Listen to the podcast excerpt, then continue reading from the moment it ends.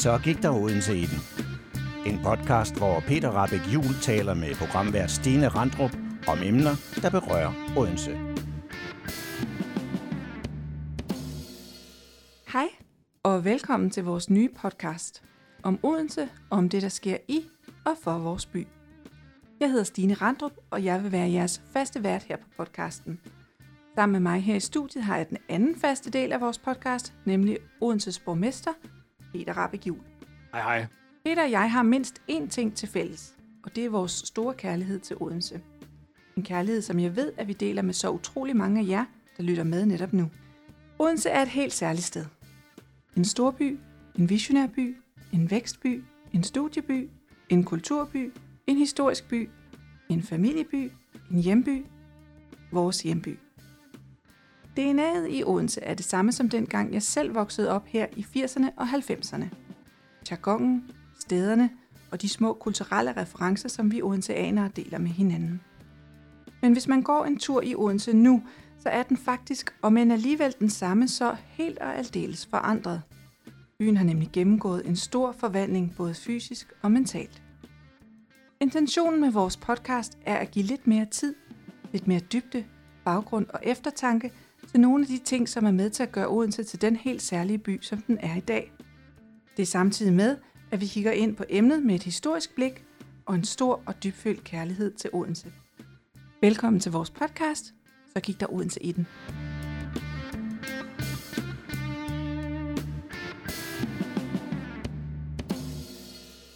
I dag har vi fået nyheden om, at Bossen kommer til byen. Bruce Springsteen han giver koncert i Odense til sommer, og det er jo altså det er helt vildt, som er helt vildt.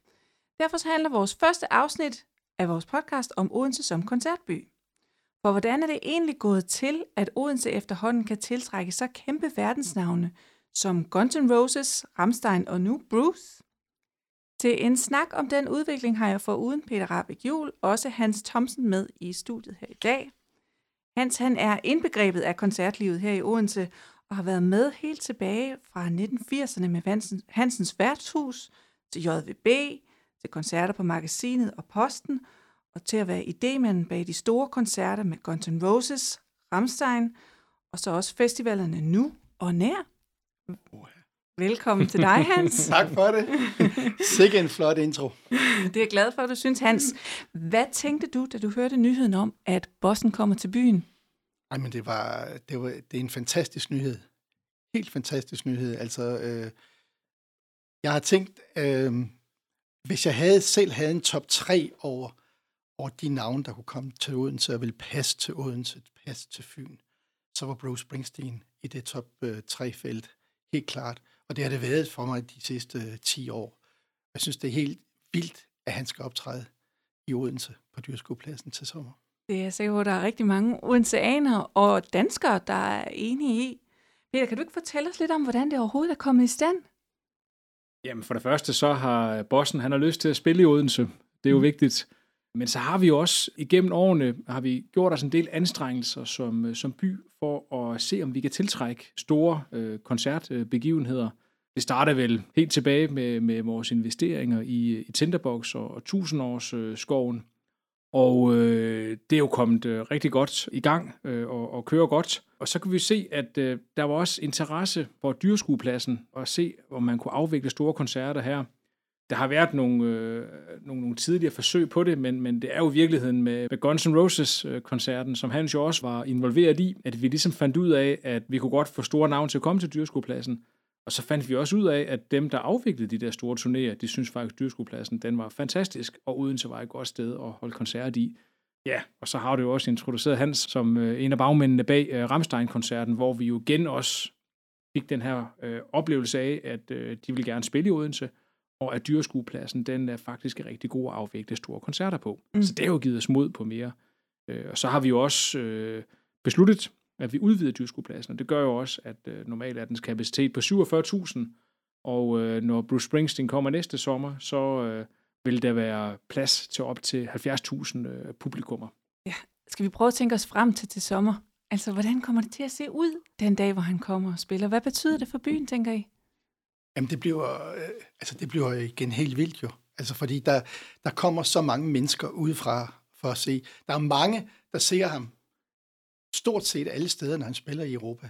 Og, øh, og, og, og vi vil få rigtig mange tilrejsende. Samtidig så vil vi få et Odense Fyn, som vil være klar til at holde fest, så det gør noget. Og, og når man siger, hvad vil det rumme, så var vi allerede nogle stykker, da vi lavede Ramstein, der var rundt og, og se pladsen under Ramstein-koncerterne. Hvad vil der ske, hvis der kom 30.000 mere på pladsen?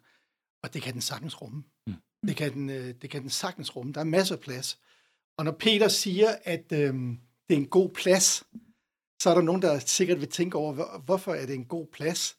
Og der kan jeg sige, uden at være produktionsmand, men jeg har jo hørt rigtig mange produktionsfolk, både til Guns N' Roses og til Ramstein, rose stedet, fordi at vi oplever, som der ikke er ret mange andre steder i landet, at vi faktisk har en flad græsplæne.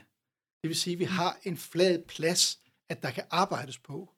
Og det gør produktionsmæssigt, at det er meget, meget nemmere, end hvis man har en plads, der er buet, eller der er bakker i. Og det går man faktisk en del op i, at, øh, at pladsen er så nem at arbejde med. Samtidig har vi fundet ud af, at det er en plads, der også er til at komme både til og fra. Jeg, Jeg talte med en ven i dag omkring nyheden, og han sagde til mig, der er jo også det, at det er også en god by at holde koncerter i. Altså, hvad er dine tanker omkring, hvordan byen kommer til at tage imod den her koncert? Jamen, jeg tror, vi kommer til at opleve det, som at der var mange, der, der lige pludselig opdagede øh, i sommer, da Ramstein var forbi øh, med, med to koncerter øh, lige i, i rap øh, på hinanden. Det var, at der var lige pludselig var der en leben og en stemning øh, i, i byen og, og, og i bymidten, fordi så mange mennesker skulle komme til. Og dem, der kører efter inddagskoncerter, de kommer i god tid. De er ude at spise på restauranterne, de går måske og shopper lidt, de hygger. De får også øh, en enkelt øl, de får måske også en enkelt øl til, øh, og så fremdeles og bevæger sig ud til koncertområdet og bevæger sig til hoteller, bed and breakfast og, eller eventuelt hjem igen. Så man vil kunne komme til at mærke det her liv, der vil være i, i byen. Og i og med, at bymidten ligger så tæt, den gør på koncertpladsen, jamen så bliver det jo nærmest øh, ligesom sådan et, et, et, et forværelse, hvor man kan holde forfesten, indtil man skal ind til selve hovedfesten på koncertpladsen. Og, og, det gør, og efterfesten. ja, og efterfesten. Og, og det er inden for, altså det er inden for god afstand. Så, så det er simpelthen noget, der, der grundlæggende fungerer godt. Og så øh, synes jeg også bare, at Odense og Odense Anerne var bare enormt gode til at tage imod de publikummer, der kom til Ramstein.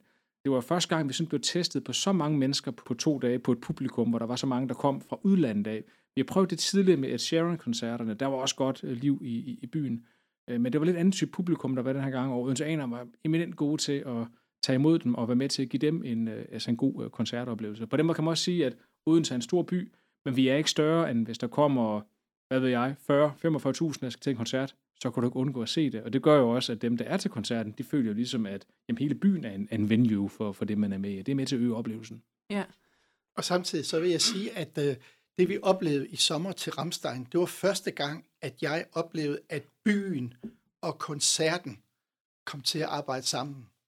Vi mm. følte virkelig, at byen var med, lavede små scener inde i selve byen, både Posten og Dexter havde lavet små arrangementer derinde, og øh, vi følte virkelig, at Cityforeningen var gået ind og, og virkelig lavet nogle meget, meget spændende ting. Det var man først rigtig klar til, da vi lavede Ramstein. Og det synes jeg, altså jeg er ikke i tvivl om, at når nu man finder ud af, at Bruce kommer, mm. så vil man være på mærkerne de steder også. Ja, og I nævner begge to nogle andre koncerter, som der ligesom har, er sket der var Ed Sheeran, der er Guns N' Roses, der er Ramstein, og nu er der så Bruce. Og jeg er sådan kommet til at tænke på, inden den her podcast i dag, det hele det startede jo ligesom, måske med Tinderbox, og så er der ligesom et Odense før, og et Odense efter i forhold til Odense som koncertby. Og han, jeg kunne rigtig godt tænke mig, hvis du kunne prøve at tage os med tilbage til Odense før, ja. altså mm-hmm. 80'erne, 90'erne, 0'erne, mm-hmm. dengang. Hvad var det så for et sted som koncertby? Odense var en, en meget, meget stille by i 80'erne. Øh, man kunne gå på Hansens værtshus. Det var et, et dejligt sted at komme. Om sommeren, der var der grønt koncert. Og ellers skete der ikke ret meget. JVB starter i 89, fordi vi var øh, nogle drenge, som syntes, der skulle, øh, der skulle ske et eller andet. Og øh, Vi får så åbnet den fynske landsby, som faktisk var et rigtig fint koncertsted, men øh, jo kun kan rumme de her 2900 mennesker. Samtidig så lavede vi koncerter ude i Odense Idrætshal, som øh, var spændende. Vi lavede D&D, og vi lavede Joe Cocker og så videre. I nullerne føler jeg, at der sker et eller andet. Altså JVB blev købt af OSE, blev opkøbt, og OSE havde interesser i, at der skulle være flere koncerter. Og man skal ikke glemme, i 2007 laver vi Elton John for 18.000 mennesker ude på Odense Stadion. Året efter Roger Waters, Dark Side of the Moon. To store koncerter, hvor der kom 15.000 til Roger Waters, og så 18.000 til, øh, til Elton John. Og så laver vi så lidt senere i nullerne, der kommer altså Arena Fyn, og øh, vi laver faktisk Santana og Deep Purple, Bob Dylan, ude i arenaen. Men det er som om, det er koncerter, der får lov at stå i sit eget regi. Mm. Kommunen var ikke klar til at, at, at spille med. Byen var ikke rigtig klar til at spille med. Så egentlig var det nogle koncerter, som øh, øh, rundt om i landet ikke rigtig kom ud, ja. uden for de rigtige fans. Ja. Så det er egentlig først, som du siger, i 15 med Tinderbox, måske Heartland lidt også øh, ved siden af, at der rigtig kommer et, øh, et rush. Ja. Det står i hvert fald for mig, at, at 15 er der, hvor, hvor man fra kommunens side, fra odenseanernes side, øh, siger, nu skal vi med på det her. Ja.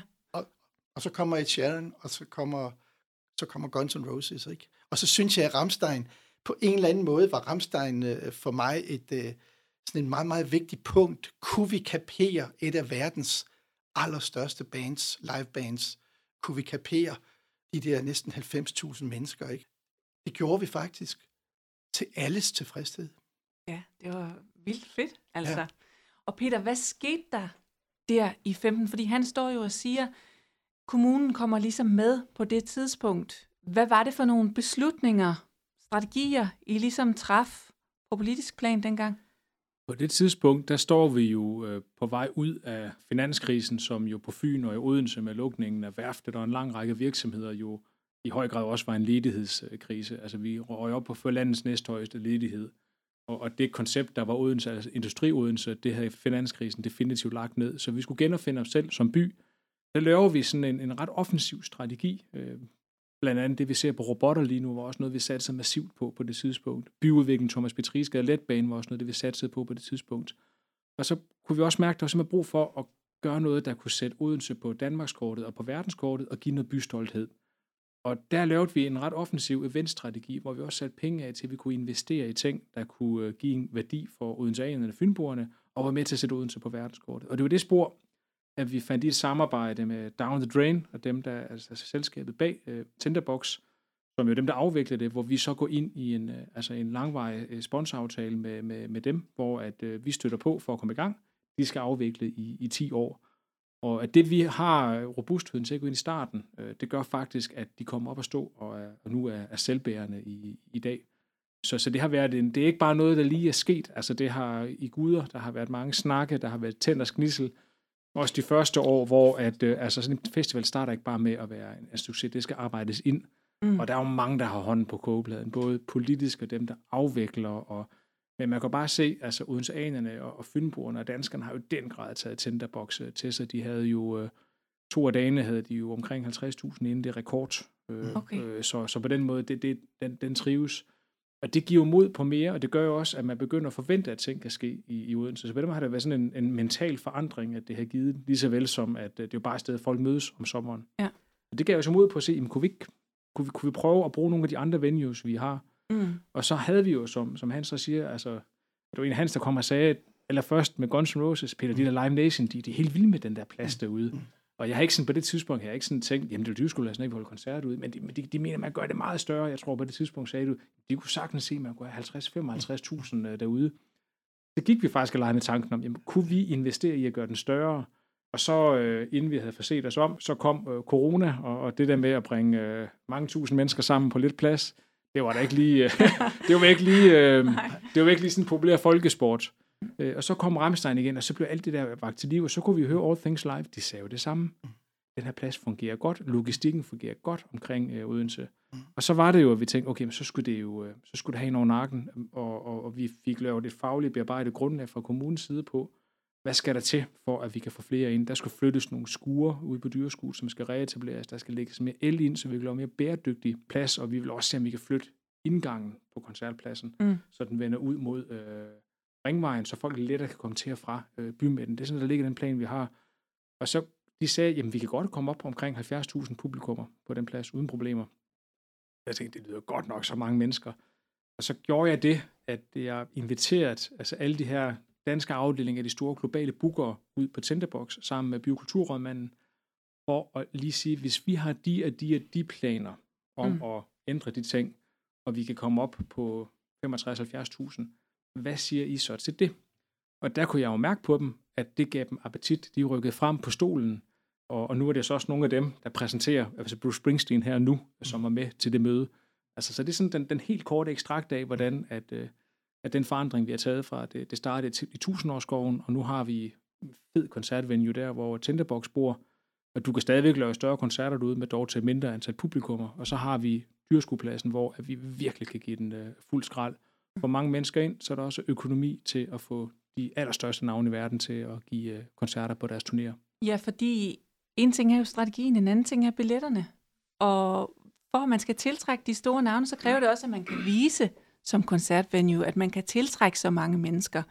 Og jeg talte med dig om, Hans, inden vi lavede den her podcast, at man, altså især med Ed Sheeran-koncerterne, men men også med Guns N' Roses, ligesom viste det i Odense, vi kan rent faktisk lave de her næsten udsolgte koncerter.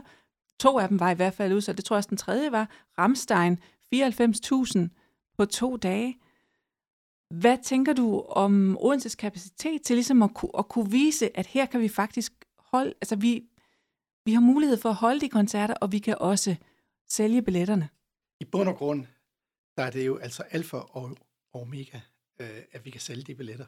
Og det er meget sjovt at bruge Ramstein som, øh, som øh, at sammenligne det. Altså Ramstein spillede Aarhus året før, de, de spillede Odense, der var der 40.000. Den har lige sat i salg i København, Valbyparken, der kan man have 50.000.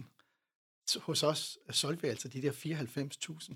Og det er, jo, det er jo sjovt at se, når man kan se, altså Odense, en tredjedel af dem, de kom fra Tyskland og fra, og fra øh, Sverige, og jeg er helt sikker på, at rigtig mange odenseanere synes, det var afsindigt spændende, Mm. at der kom de her folk. Og når jeg tænker på, hvordan vi fik det afviklet, så er jeg faktisk afsindigt stolt af det. Fordi at øh, de boede på campingpladser rundt på Fyn. Vi havde stort set alle campingpladser udsolgt. Vi havde stort set alle hoteller ind til Christiansfeldt, skulle man ned for at få et hotelværelse. Så vi havde rigtig mange folk inde, og vi har fået et forbavsende få klager fra dem.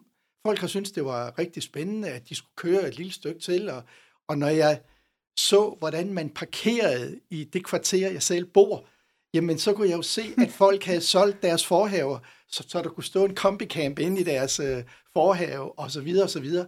Men afsindig god stemning. Der har aldrig været så mange tyske autocamper i Odense før. Nej, det har der altså ikke. Og Albani fik vist også solgt øl, er godt ud, gjorde det ikke? Jo, men altså, og, og det skal man heller ikke helt glemme i den her sammenhæng, fordi at når vi taler det her, så er der rigtig mange penge på spil. Mm. For det første skal der sælges de billetter. For det andet, så er salget af mad og øl, det er faktisk en rigtig stor indtægt for arrangørerne. Og øh, der er dyrskuepladsen fantastisk, og det har jeg kunne høre fra andre arrangører, at øh, man har nogle kæmpe store salter. Ja. Jeg kommer til at tænke på, Hans, med din erfaring i sådan koncertbranchen. Hvordan får man logistikken til at køre, når man får de der verdensstjerner til Odense? Altså, lander de i Bældring, eller kommer de til med taxa fra Tyskland, eller sover de inde på Grand Hotel? Hvordan, hvordan foregår det sådan rent praktisk? Jamen, må jeg ikke godt gå tilbage og sige, hvordan får vi dem hertil? Ja. i første omgang, ikke? Mm. Mm. Altså, og, og det ved Peter faktisk efterhånden noget om også. Altså, det her, det starter jo halvanden til to år før de koncerter faktisk skal foregå. Der finder man ud af, jamen, er det, det er meget skægt, for man arbejder med tre ting. Skal de spille fields, skal de spille festivaler, eller skal de spille stadions?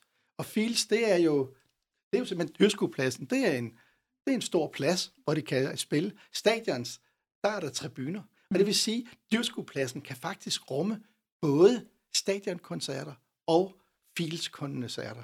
Mm. Og så har man festivalen, den har man lige hen ved Tusindårsskoven, ikke? Og, øh, og, men det ligger der en mængde planlægning i med en masse andre byer, hvor det skal passe ind. Har de spillet København? Hvornår skal de spille København? Vi er, altså det er hovedstaden stadigvæk, og, og er rigtig vigtigt for dem. Men øh, Bruce spillede jo sidste sommer to udsolgte koncerter i parken. Nu spiller han hos os. Det er sådan meget, meget typisk. Ja. Og så spørger du, øh, øh, hvordan kommer de hertil? Og så, jamen altså, øh, de leger fly, Ja. og øh, ofte overnatter de her i Odense. Men vi har altså også oplevet nogen, der vil sige, at det er skægt. Nogle af dem, de vil, de vil til øh, Middelfart og bo Okay, nede på Kongeborgården, eller de tager til København. okay. Men øh, privatfly, bandet, og, og så kommer crew og så videre i deres store trucks, Ja. som, øh, som kører ind, og der, der også skal være plads til. Til Ja. Ramstein, der tror jeg, vi havde 94 trucks, ikke? Altså det, det, var, det var helt vildt. Hold da fast. ja. ja. så det er altså en øh, logistik, hvor man skal finde ud af, hvor skal de spille, hvor passer det, og hvordan passer det i forhold til de store byer i Europa, hvordan passer det til de festivaler, der er rundt omkring i Europa også. Mm. Og så er det vel også, altså, jeg, jeg har selv oplevet, øh, altså, øh, når nogle af de aftaler kommer på plads, øh, jeg sidder selvfølgelig ikke helt i centret, det gør du og, og dine fagfælder, men, men jeg har jo alligevel været med i en del af samtalen ret tidligt for at finde ud af, er I med som by? Og der er jo sådan en, en kryptiske formuleringer omkring det.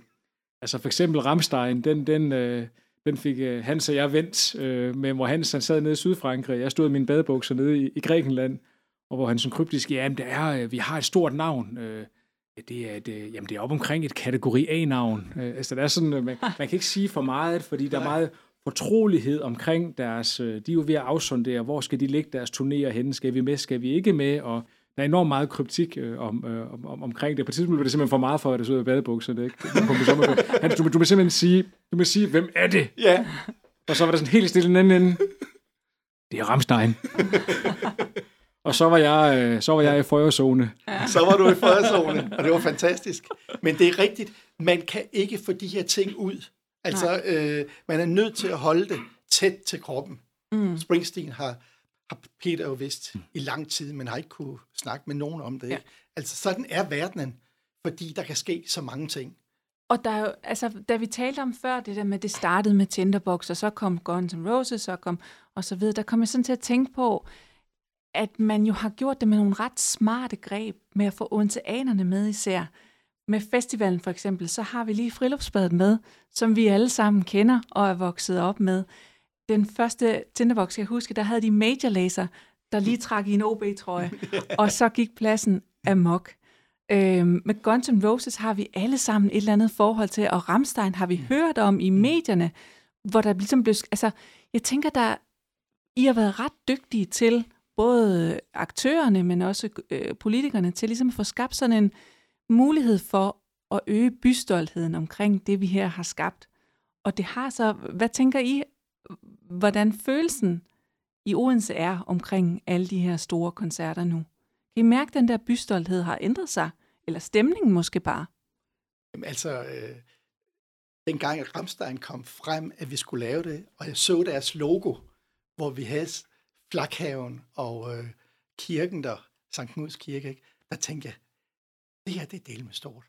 Det er Ja. kæmpestort for Ja. mig, at man, at man får det ud i hele Europa, og, øh, og det er vores lille by, Ja. der er med det, ikke? Mm. Det synes jeg er fantastisk. Ja. Og, og øh, der er ingen tvivl om, at øh, for mange af os, når vi skal se Bruce Springsteen stå på en scene på Fyn i Odense, så vil det være et eller andet, hvor vi tænker, det her, det har vi drømt om Ja. ja. i rigtig, rigtig, mm. rigtig mange år. Og Mm. jeg har aldrig troet, at det skulle ske, hvis- jeg skal være helt ærlig. ikke? Altså, det er et kæmpestort.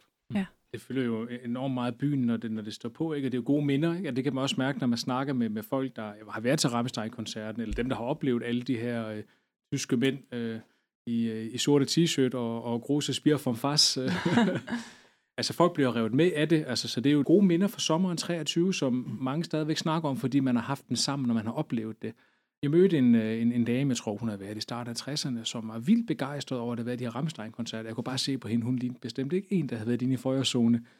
Og så spurgte jeg, øh, om hun havde været at se koncerten. Nej, nej, hun hørte ikke det der musik. Hun, synes, hun synes bare, at der var så god stemning i byen. Ja. Ja. Altså, så på den måde, der, der var mange måder, man kan... Man behøver ikke være hardcore metalfan for at være med på den gode stemning, der var omkring uh, Rammstein-koncerterne. Fordi at det i sig selv er en stemning, der, altså, der, der fylder for byen. Der er også lidt, lidt aspekt, fordi at, altså, jeg har det ligesom uh, Hans med Bruce Springsteen. Det er, det, det er sgu noget af en milepæl, vi får, får hamret igennem. Også fordi vi har arbejdet og prøvet meget. Og, og det er også sådan, det er risikofyldt, det her. Der er mange ting, der kan gå galt hen ad vejen. Altså, jo, nu er vi vendet os til, vi ved godt, at, at det kan sagtens ske for os, vi kan få dem her til, også fordi vi har anstrengt os, og vi har investeret i det, men, men det er også sådan en lille ting, som at vi har faktisk, vi har nogle dygtige embedsfolk, der arbejder med event, vi har nogle dygtige embedsfolk, der er blevet ret hurtige til at arbejde med myndighed, når du skal have de ting på plads, fordi man ved aldrig helt, hvornår de kommer, og hvad det kræver, så man kan jo ikke, altså, man, man skal være lidt hurtig på at sige, det, det kan vi løse, det, det kan vi ikke løse, det, det kan vi løse, det, det kan vi ikke løse. Og det kan vi også høre, når vi snakker med dem, at, at sådan noget som godt kommunalt myndighedsarbejde, mm. det får vi faktisk ros for, når at vi, vi gør det. Det er jo sådan noget, det kommer jo aldrig ud til, til offentligheden. Så det, det er mange led altså i kommunen og for Hans og kollegerne og værtshus, restauranter, hoteller og andre, som, Men det, Peter, som, som løfter her. Ikke? Det Peter siger med embedsvældet, Mm. det har været, altså til Ramstein, der var det med krydseslangen. Og jeg kan godt sige, at det er sådan noget, man taler om i branchen. Det er, hvordan er samarbejdet med de kommunale folk, det er så dem højt på strå, men der er del med også hele dem, der skal arbejde med det. Og der vil jeg sige, I er blevet rost helt vildt meget, og øh, har lært meget, og det ved de folk, der skal få det til. Kan tingene lade sig gøre? Og der må man jo sige, at øh, alt andet lige, Horsens har været forgangsmænd for det her, og øh, vi har virkelig lært af dem, og vi er kommet, vi er kommet efter det. Ja. Og jeg vil også sige, at øh, nu siger man, hvad giver så noget her? Men jeg tror altså Odenses selvforståelse, Mm. Den der med, at nu går der Odense i den, den har nogle af os hørt rigtig, rigtig mange gange. Ikke? Det er mega fedt nu. Ja, det er jo mega, mega fedt. Og den selvforståelse, den skal man ikke undervurdere. Nej. At, at man kan sige, jamen vi er i en by, hvor, hvor Bruce han kommer til øh, sommer. Ja. Ramstein var her altså sidste sommer, ikke? Og så videre. Men det er jo ikke rosenrødt det hele. Altså, øh, der har været noget kritik omkring øh, fra naboerne ude i området. Der er også noget om trafikken, vi skal tale om. Skal vi starte med naboerne først? Hvad tænker I? Hvordan håndterer man det? Altså, der er jo ingen tvivl om, når, når du har så mange mennesker ind til en stor koncert, og der er et, et lydbillede, der er alt andet end en, en fredelig aften. Det kan folk høre, det kommer der reaktioner på. Men som han så sagde tidligere, altså det, det er tæt på ingen klager bemærkninger, der er kommet på to dage med Rammstein, som, og jeg tror, øh, at for de også, øh, der godt kan lide den slags musik, så tænker man jo ikke, det er støj. Men jeg ved også, der er mange, der ikke bryder sig om hårdt metal, at de synes, det er noget støj. Så det, det er meget lidt, der har været på støjen. Øh, Vi prøver også at være opmærksom på at kommunikere forud, hvad der sker, altså så at man ikke lige pludselig bliver overrasket over, at man sidder med, øh, hvad ved jeg, med en øh, konfirmation hjemme i, i, baghaven til tysk dødsmetal. altså man i god tid kan nå at, at planlægge og gøre sig sine sin forårsregler, hvis man synes, støjbilledet er, for meget. Og så oplever jeg egentlig også, fordi Sanderum, især det område, der ligger imellem dyreskuepladsen og Tusindårsskoven, altså der er faktisk mange, der synes, det er fedt, at de kan sidde i baghaven og have lyden af Tinderbox, eller have Rammstein, eller Guns N' Roses, eller lige om lidt Bruce Springsteen i, i baghaven. Ja. Ja. Der tror jeg godt, man kunne... Øh, øh, jeg, tror, jeg tror godt, man kunne få nogle hyggestunder i, i, i baghaven der. Så på den måde kan man sige, det går jo lidt begge veje på, hvordan naboerne reagerer, men vi skal jo være enormt opmærksom på det, fordi det er jo ikke, altså, jeg forestiller mig jo ikke, at vi, vi skal have øh, 10 koncerter hver sommer. Jeg tror, øh, to, tre, altså, så, så, er vi, øh, altså, så, er vi, så er vi meget ambitiøse også for, for at kunne, kunne det, øh, det skal kunne, kunne lade sig gøre, for selvfølgelig er der nogle grænser for, hvor meget at byen, dyrskuepladsen og nabolaget kan holde til. Jeg bor selv derude. Ja, okay. og øh, det, det har været rigtig sjovt for mig at, at tale med mine øh, naboer og dem på vejene og så videre. Positivt. Jeg synes, det har været sket. Ja. Spændende. Og så synes jeg, det er meget fint. Jeg er inviteret til et borgermøde på vores lokale skole Mm. her øh, i starten af november, og jeg synes, det er så fint, at man tager fat i det nu allerede. Til Ramstein, der ansatte vi en person, der var rundt ved naboer, ved øh, de forskellige veje, og snakke med dem og tale med dem osv. Ikke? Og det, øh, altså, det tror jeg, man når langt ved. Altså, der er jo også naboer, der er lidt mere skeptiske. Nu nævner jeg bare lige OUH. Mm. Øh, der er noget med nogle lydfrekvenser og nogle øh, systemer, som ikke så godt tåler øh, den slags. Hvad, er- hvad er dialogen med dem? De er selvfølgelig, der er selvfølgelig høj informationsniveau med dem om, hvad der, hvad der foregår, hvornår at, øh, at, at det foregår. Men de koncerter, der har været, det er umisforståeligt lidt. Det vi egentlig har mere hørt, det er, nogen, der, det er ikke nogen, der har været på UH, altså været indlagt eller sådan noget. Det har været nogen, der har kunne forestille sig, at det kunne være hårdt at være indlagt. Ja. Øh, Vi er ikke, vi er ikke, vi er ikke, det er meget lidt, vi har hørt fra dem, der har været på UH. Og så er der også det med til historien, at lige så snart at regionen er færdig med at bygge det nye UH øh, med udgangen af 25, så flytter det gamle UH, og så på den måde så er, er er den potentielle konflikt ude. Jeg tror også, der er mange, der synes, det er hyggeligt at kunne, kunne opleve, der sker lidt i, i nabolaget, når man, når man nu engang øh, ligger, ligger der. Men Ja. vi skal jo være enormt, altså kommunikation, kommunikation. Øh, Er der problemer, få løst problemerne, få fortalt omkring det, få inddraget øh, øh, borgerne, det er, øh, det er det, der er vores erfaring for, der, der Men Stine, der er sket sindssygt meget inden for de sidste 10 år omkring lyd, og Mm. hvordan man, man kan lave lyd, og, og hvad vej at det går. Vi spiller jo væk fra OH. Ja. Ikke? Og øh, i gamle dage, selvom vi spillede væk, jamen, så spillede man det så meget bagud. Ikke? Ja. Nu spiller man, nu, nu kan man styre det. Okay. Så øh, at det er de blevet rigtig dygtige til. Ja. Og jeg synes også, det er utrolig få klager, vi har fået. Og samtidig har der været et, et, et meget, meget fint samarbejde, det også, Ja. med OH. Og så overvejer vi jo også, altså i forbindelse med udvidelsen af pladsen, at lave en indgang, der går ud mod ringvejen, så du har en mulighed for at kunne få, få flere folk ind og ud af den vej. Og det gør jo også, at det er jo klart, der er forskel på, om det er 47.000, der skal ud ind, eller det er 70.000, der skal, der skal Klart. ud og ind. Og vi har jo i forbindelse med Tinderbox, har vi haft gode erfaringer med at spærre falen af, når mange mennesker skal bevæge sig til fods. Og det gør, at folk kan komme relativt hurtigt ud og ind, og også være de rigtige steder. Øh, Ja, fordi det, det er så lige den anden ting, vi skal snakke om. Det er trafikken. Den har der jo været lidt sondringer omkring, kan man måske sige, i medierne med, den, med trafikken til de store koncerter ude fra dyreskuepladsen. Hvad tænker I, vi skal gøre bedre? Stine, har du nogensinde været i parken? Ja. Og der holdt jeg måske i kø tre timer for at komme ud. og det var bare for at komme ud af selve Østerbro. Ja. Så der er selvfølgelig noget med forståelsen. Det skal man rykke på. Mm. Men jeg vil også godt argumentere for almindelige odenseanere at sige, okay, det kan godt være, at der er noget logistik i parken, eller i Aarhus, eller nogle andre steder, som ikke fungerer, men det er ikke en undskyldning for, at det heller ikke fungerer, når man øh, har parkeret sin bil ude ved cigaren, og holder der på fjerde time, eller hvor meget man nu skal. Vi, skal. vi skal have rykket de trafikale udfordringer derude på en eller anden måde, så det i hvert fald flyder bedre. Helt grundlæggende, så er der nogle, nogle gode forudsætninger for, at det kan lade sig gøre på dyrskuepladsen, fordi vi har på den ene side, der har vi mod syd, der har vi ikke så langt ud til motorvejen og E20, hvor alle kan køre øst-vest, og sådan set også ned mod, mod Sydfyn. Og så har du på den anden side, har du jo jernbanen øst-vest, Svendborgbanen, der også er, er stop er tæt på i området. Så på den måde, så, så dem, der skal med bil, skal den ene retning, og dem, der skal med, med tog og kollektiv transport eller på hoteller, skal typisk i den, i den anden retning. Mm. Øh, allerede der har vi jo fordeling mod verdenshjørnerne. Men der er ingen tvivl om, når vi går fra 47 op til 70, altså så vil vi også få nogle erfaringer. Vi vil også få nogle erfaringer, hvor vi tænker, det der, det vil vi helt sikkert lave om øh, næste gang. Grundlæggende vil vi jo gerne have folk, de øh, lader være med at køre bilen tæt på, på store koncerter og store øh, øh, events. Det synes jeg faktisk med Ramstein, at øh, det, kunne man, det, var, det var ret let at se, fordi det var de her tyske autokamera, man kunne se, hvor de, hvor de holdt henne. Øh, der var også nogle steder, hvor der var nogen, der ville øh, lave privatparkering privat parkering tæt på koncertpladsen, som øh, vi ikke, eller arrangørerne ikke kendte til. Mm. Øh, og så begynder folk jo at, at agere. Øh, altså når vi, når vi ikke agerer sammen, så, så kan der ske nogle uhensigtsmæssigheder. Ja. For det, det kan folk jo ikke se. Der tænker de, at der er en god mulighed for at parkere øh, tæt på. Ja. Men der lærer vi jo fra gang øh, til gang, og det er jo helt sikkert fra at gå fra 47 til 70. Vi lærer de erfaringer, der var sidst. Vi kommer også til at lave fejl i planlægningen, som Mm. mm. vi så skal rette til, til næste gang i igen. Vi kommer ikke til at have en, en 100% glat afvikling første gang, der er mange mennesker, men vi anstrenger os. Jeg drømmer om, at øh, vi får lavet nogle øh, steder et lille stykke derfra, måske hen ved letbanen, hvor letbanen starter, hvor man kunne lave noget, hvor man kunne køre frem og tilbage og stille sin, øh, stille sin bil. Ikke? Altså, det må være fremtidsmæssigt, at vi får fundet sådan nogle store arealer, hvor man kan parkere. Mm. Og så er folk faktisk gode til at komme selv det sidste stykke. Mm. Det, er, det er folk vant til.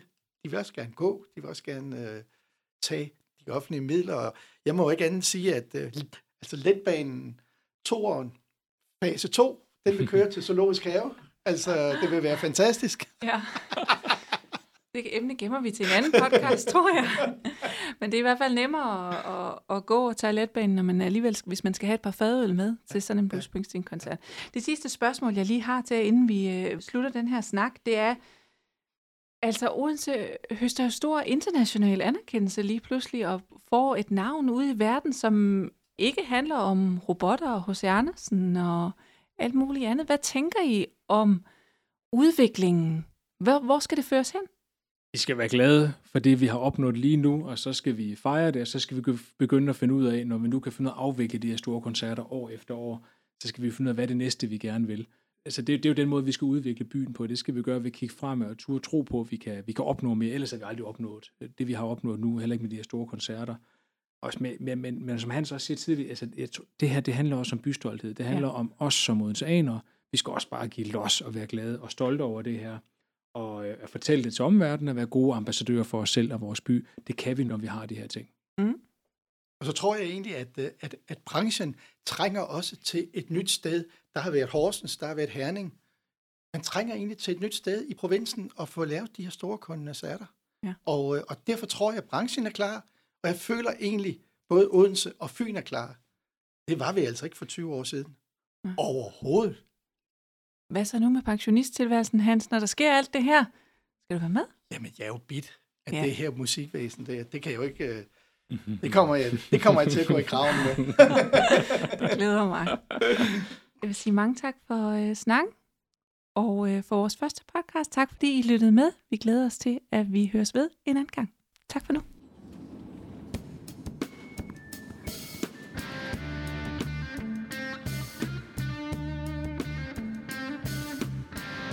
Så gik der Odense i den er udgivet af podcastkompaniet.